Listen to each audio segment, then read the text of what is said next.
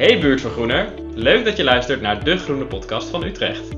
Deze podcast gaat over kleine en grote groene initiatieven en leuke tips om je buurt te vergroenen.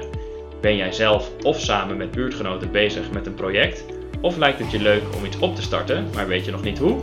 Sluit je dan aan bij het platform van Buurtnatuur 030. Dan kijken wij hoe we je kunnen helpen.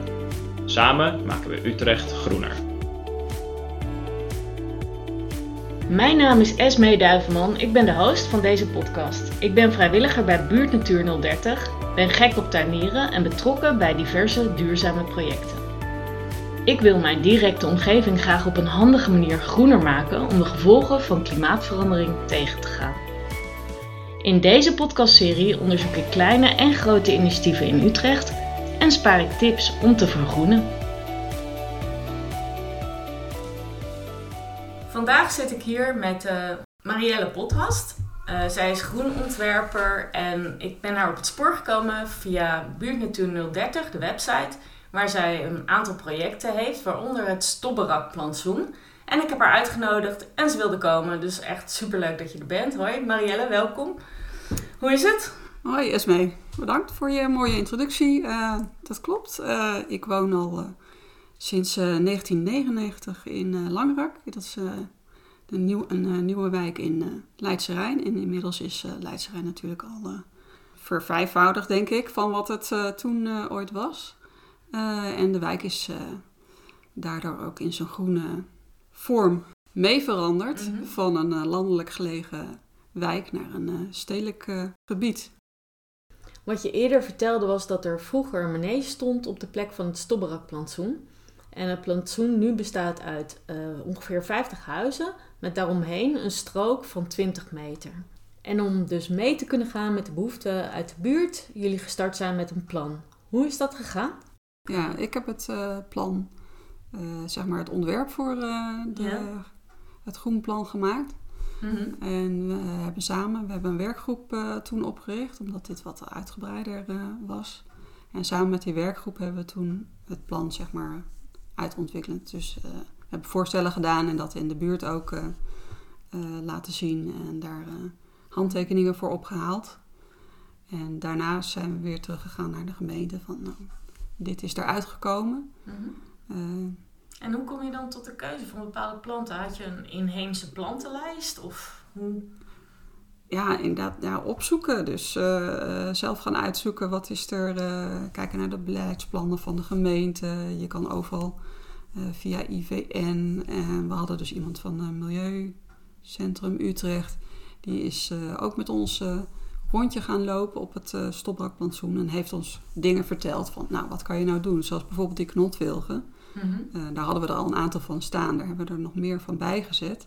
De knotwilg is een boom waar ontzettend veel uh, organismes op leven. Wel, ik geloof al 450 soorten. Mijn god, echt waar? Kunnen daarop leven. Nou, ik wist dat ook niet. En stel dat je een andere boomsoort zou kiezen. Ja. Uh, die dus niet inheems is, of uh, misschien wel al enige tijd in Nederland is, dan zouden dat er zomaar maar twee kunnen zijn. Ja. Dus dat maakt enorm veel verschil in wat je neerzet wat goed is voor die uh, mm. biodiversiteit om zich uh, verder te ontwikkelen. Wat dus- interessant, dus, ja. Dus ja, het is een kwestie van uh, uitzoeken. Wilgplant is eigenlijk heel simpel. Je zaagt een tak van een andere wilg af. Die zet je in de grond en hij gaat gewoon groeien. Echt? Cool. Maar ja, je moet er wel de ruimte voor hebben natuurlijk. Precies, ja. je hebt daar wel de ruimte voor nodig en daarna moet je hem dus gaan knotten. En, uh, ja. ja. En dat laten jullie doen, denk ik? Of, nee, dat uh... doen we dus zelf. Oh. Uh, ja, dat is een van de onderdelen die we jaar... Ja, dat moet je één keer per jaar doen. En het is een ja. vast item geworden in de buurt... om dat voor de kerstborrel de, de wilgen te gaan knotten. Ja. En nou, dat is altijd hartstikke gezellig. Uh, in voorjaar 2021 hebben, zijn we gestart met uh, het aanleggen van uh, mm-hmm. de tweede fase van het stopbrakplantsoen. Ja. En nou, een deel hebben we zelf aangeplant en een deel heeft de gemeente gedaan. Mm-hmm. Dus we hebben ons plan ingediend en er is een groen aannemer die heeft bomen geplant. Ja. En wij zelf hebben aan de lange singelkant hebben een aantal boorders, een aantal vakken met beplanting Waar die, uh, en dat hebben we zelf aangelegd. Oké. Dus de grond is wel bewerkt door uh, ja. professionals. En wij hebben het helemaal zelf uitgezet. ja, ik had dan tekeningen gemaakt waar we op konden lezen van wat waar moest staan. Mhm. En dat hebben we toen in één dag tijd behoorlijk wat plantjes ja? met de grond ingezet. Um, ik denk dat we toen met iets van 15 tot 20 mensen waren. en kinderen. Ja. Dus zo'n clubje ongeveer. En het belangrijkste is dus dat je die inheemse soorten aanplant. En sowieso als je inheemse soorten gebruikt. Die mhm. zijn natuurlijk ja, planten van hier. Die groeien ook makkelijker. Dus ja. in die zin is dat... Uh... Hadden jullie nog problemen met de grond? Had je daar nog naar gekeken? Van wat, wat doet het goed op welke grond? Nou, we hebben natuurlijk kleigrond in uh, Langrak, maar er is natuurlijk ook gebouwd, dus er ligt ook heel veel zand op die plek. Dus het is, uh, we hebben eigenlijk ervoor gekozen om uh, de bovenste laag het gras weg te laten halen. Mm -hmm. en dat hebben we op een andere plek binnen het gebied. Van, ja, je moet dat eigenlijk weer niet afvoeren. We hebben een soort heuveltje gemaakt. Dat is mhm. uiteindelijk ook hartstikke leuk geworden, want daar hebben we weer bloembollen omheen geplant. En dus door ja, eigenlijk de grond binnen het gebied te houden en alleen de bovenste laag hebben we nieuwe grond laten aanbrengen. En die laten doormengen met de, uh, de klei en wat er ook uh, voor andere gronden onder ligt. Nou, dus eigenlijk op zich best wel een hele voedzame grond. Een echte ja. Nederlandse grond ook. Uh. Precies. en wat... zeggen dat die bodem is bijvoorbeeld ook weer iets heel belangrijks. dat die bodem goed is en dat er leven in zit. Dus dat je wormen hebt. Dus op een mhm. gegeven moment hebben we ook levende worm inderdaad besteld en uitgezet. Ja. ja. wat cool. Samen met de kinderen uit de buurt. Uh, ja, ook om ze te laten zien van nou, hoe, uh, hoe werkt dat nou en waar is dat belangrijk voor. En, mm en toen kwamen er ineens heel veel vogels? Of? Uh, nee, ja, die moet je inderdaad wel even goed afdekken voor voordat ze in de bodem verdwijnen. Dat gaat op zich best wel snel. Oké, okay, oh goed. Ja. Oh, dat is fijn. Um, en nou, wat, wat, wat voor soort planten hebben jullie uh, neergezet? Ik ben wel benieuwd. Uh, nou, we hebben veel heesters, inheemse soorten, zoals dan heb je de Gelderse roos, heet die. Nou, die heeft in het voorjaar heb je dan bloesem en in het najaar heeft hij rode besjes. Ja. En als daar eenmaal de vorst overheen is geweest, zoals nu, dan hebben de vogels daar een heerlijke maaltijd aan. Okay. En wilde roos, uh, ja, daar komen natuurlijk die rozenbottels aan in de, de herfst. Die, ja, dit jaar zit, zit die helemaal vol, die struiken. En dan komt bijvoorbeeld weer de groenling op af. Die vindt dat weer uh, super lekker. Want als je kijkt naar biodiversiteit en uh, wat je in je omgeving kan doen, dan moet je eigenlijk kijken naar ja, welke beesten wil je daar dan trekken. Je kan, kan, natuurlijk iets gaan doen voor een of andere bijzondere uh, reptiel of. Maar ja, dat, of, ja, uh, precies. Maar dat gaat misschien niet werken, want die ga je nooit trekken, omdat, ja, omdat dat gebied daar gewoon niet geschikt voor is. Dus we hebben gekeken naar uh, wat trekt insecten en ja, stadsvogels. En vogels die hebben eigenlijk binnen een kleine straal hebben ze voedsel nodig, voedselplekken en schuilplekken voor is ook heel belangrijk. Dus we hebben in die beplanting planten staan nou, die voedsel bieden voor insecten en vogels. Mm -hmm. En uh, planten waar eh, bessen aankomen. En er zitten ook stekels aan. En dat vinden vogels eigenlijk weer fijn om daar een schuilplek in te kunnen. Dus schuilplekken is ook belangrijk okay. voor de vogels. En de ondergrond, als die een beetje goed begroeid is, dan kunnen daar weer egels gaan zitten. Duurt nog even, maar het begin is er in ieder geval om ja. daarvoor te zorgen. De tip van deze podcast is het boek Mijn Duizend Soorten Tuin van Luc Hogestein.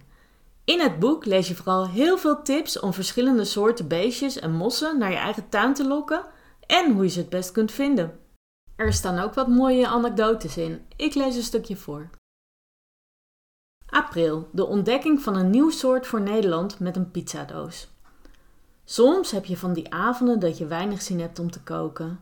Een korte discussie over wat we gaan eten. Ik? Ik heb wel zin in Thais. Lianne? En ik in pizza, dus. Wordt weer gewonnen door Lianne. En zo loop ik een paar uur later met een paar lege pizzadozen de trap af richting de vuilcontainer. Ik stap de voordeur uit en kijk naar onze klim op. Een pizzadoos. Zou die voor het kloppen van insecten net zo goed werken als een omgekeerde paraplu? Waarom ook niet?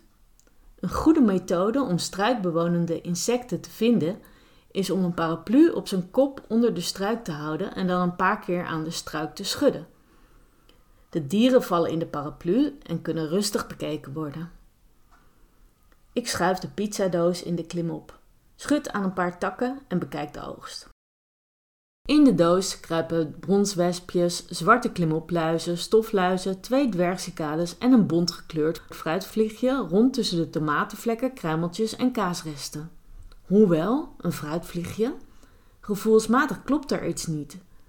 Fruitvliegjes vliegen meestal weg als ze de situatie niet vertrouwen, maar dit diertje blijft verward tussen de pizzaresten rennen. Ik haal snel mijn camera, maak wat foto's en kijk op de achterkant van mijn camera naar de foto van het diertje. Een prachtig oranje achterlijf, groene ogen, wit-zwart gevlekte vleugels en bonte lange antennes. Lange antennes? Dit is dus geen vlieg, want die hebben vrijwel altijd korte antennes. Het lijkt me een piepklein wespje, maar welke? Dit is voer voor echte wespkenners en daar behoor ik niet toe.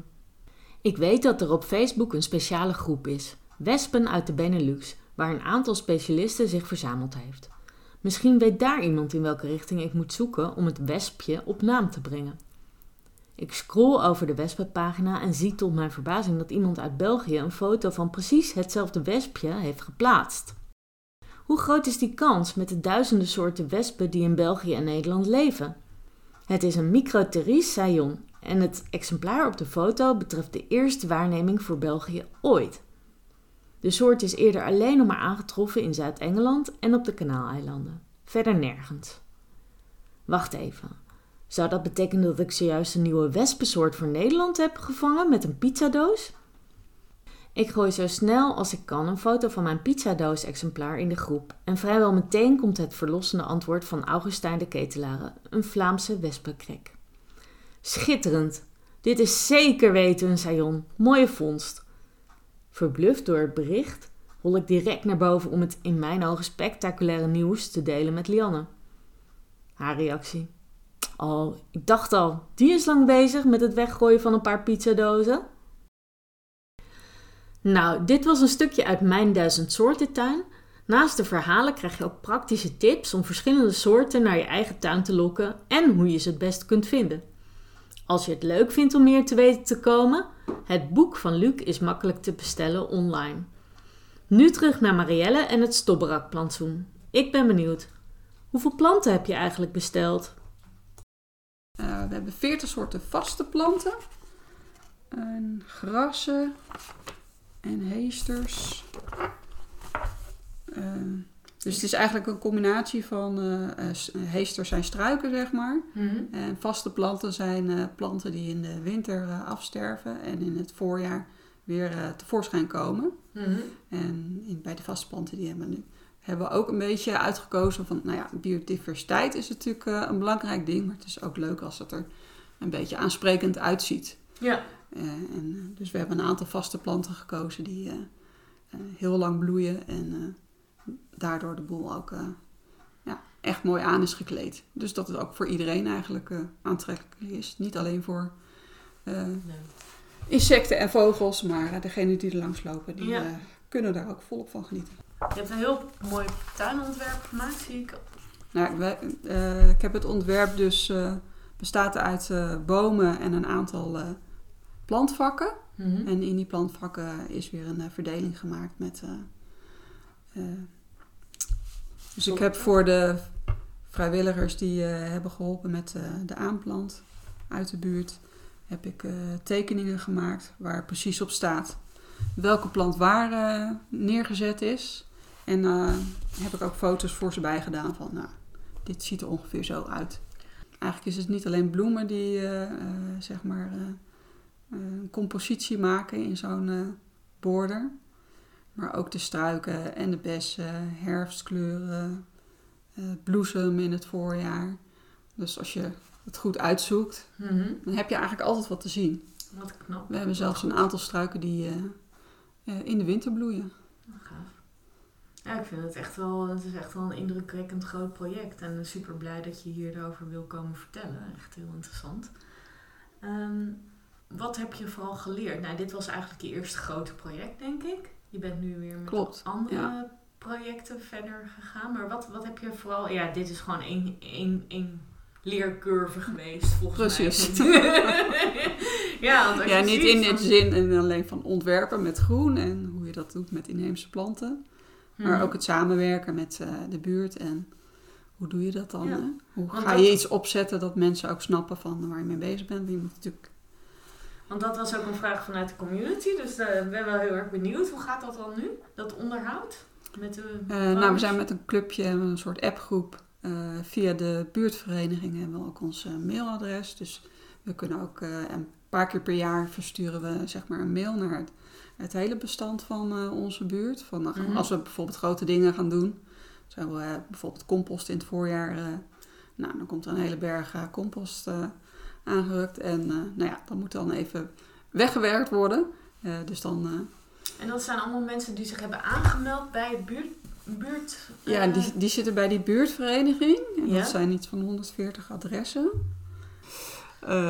dat is ooit ontstaan omdat er gewoon een, een, een projectontwikkelaar die heeft een bepaald type huizen, of een aantal type huizen gebouwd. Uh, dus daar had je mee te maken. Hmm. Uh, dus ja, toen hebben ze dat opgezet. Zo van, nou, dat is natuurlijk handig als je uh, daar komt wonen en je zit met dingen van het huis. Dus eigenlijk alles wat... Dus zo is het ontstaan, die vereniging. Maar toen hebben we hier wel geflyerd, zeg maar. ja, dus alle huizen. ook geflyerd. Ja. ja. dat hebben we eigenlijk gedaan via wijkbericht. Mm -hmm. Dus dat kan je via de gemeente als je een plan hebt en er gaat iets worden uitgevoerd of je wil draagvlak zoeken, dan, uh, nou ja, dan gaat het meestal ook via een wijkbericht, omdat de gemeente zeg maar, ook uh, de buurt uh, moet informeren wat er staat te gebeuren, zodat iedereen weet van. nou, en dan kan je mensen oproepen om ook mee te komen helpen en aan te melden. Ja, precies. Dus dan kan je daar ook weer mensen uit de omgeving bij, bij betrekken. Oh, wat goed. En nu hebben we een soort appgroepje met nou, iets van twintig mensen ja, je moet wel iedere keer uh, blijven enthousiast blijven aanjagen om. Uh, ja, ja, ja. ja maar het idee bij dit plan is ook. Uh, nou ja, als je zoiets aanlegt in eerste instantie, is, is groen gewoon, zeker in die intensieve vorm, heb je daar wel even werk aan. Mm. dus de eerste drie jaar moeten die planten aanslaan. Dan heb je nog heel veel onkruid. Nou ja, onkruid mogen we eigenlijk niet zeggen, hè? In, nee, nee, maar nou ja, ik snap wel. Je wil ook wel de ruimte creëren voor de nieuwe planten om lekker aan te slaan. Precies, dus daar ben je in eerste, ja, de eerste drie jaar ben je daar uh, vooral het uh, drugs mee bezig. Ja. Uh, zo is het ook ingestoken. Dus zoveel mogelijk beplanting die op termijn minder onderhoud vraagt. Mm -hmm. want ja, zo intensief als je het in het begin doet, dat is toch lastig om dat vol te, houden. En ja, iedereen heeft natuurlijk ook zijn eigen. Ja. En hoe vaak in het voorjaar misschien wat intensiever dan uh, later in het jaar? Hoe, wat zou je ongeveer. Hoe ziet het eruit? Uh, ongeveer. Uh, door het jaar heen doen we, hebben we in ieder geval vier momenten dat we echt grote dingen doen. Mm -hmm. En tussendoor doen we oproepjes via de app. Okay. En nou, in, inderdaad, in het voorjaar, zomer is dat wat vaker. Zeker uh, toen het zo droog was. Want moesten we ook uh, water gaan geven. Dat mhm. is uh, een van de dingen die ja, toch wel lastig is als je nu nieuw groen gaat aanleggen. Ja. Dat je daar rekening mee moet houden. Ja. Want dat is eigenlijk de grootste. Want hebben jullie iets van een sloot in de buurt? Of iets, ja, we hebben een sloot in de buurt. Gelukkig ook direct aan, aan de kant waar dat groen ligt. Dus we hebben inderdaad op een gegeven moment met Eerst met emmertjes, daarna bleek er gelukkig iemand een dompelpomp te hebben met slangen. Wat handig. Uh, ja. nou dat was ook wel heel erg nodig. Want, ja, uh, plus de gemeente heeft ook uh, die eerste drie jaar de zorgtaak van het water geven. Want die grote bomen die hebben behoorlijk veel water nodig. Dus dat kan je mm. gewoon als bewoner niet nee. voor elkaar krijgen als je dat echt goed wil doen. Nou, ik zie al dat er ontzettend veel kennis bij jou uh, ligt over het inrichten van uh, uh, plantsoenen, maar ook tuinen en andere mooie groene dingen. Ik denk als iemand een project aan wil leggen, dat hij zeker bij jou in de lucht moet kunnen komen. Als dat, ik weet niet of je daarvoor open staat, maar... dat kan altijd. Dus ik vind het altijd sowieso leuk om erover te vertellen.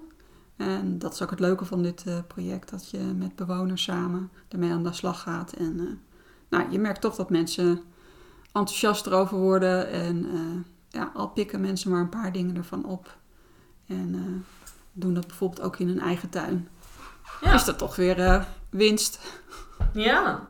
Nou, volgens mij zijn we aan het einde gekomen van de podcast. Hartstikke bedankt Marielle dat je hier bent geweest.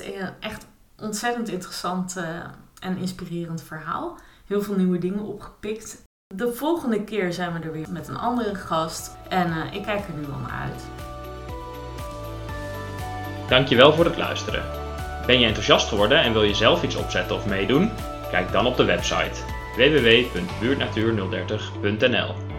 Volgende maand is er weer een nieuwe podcast. Je kunt een vraag of idee insturen door te mailen naar info.buurtnatuur030.nl of dit in de show notes vermelden. Hou onze socials in de gaten voor de aankondiging van de volgende gast.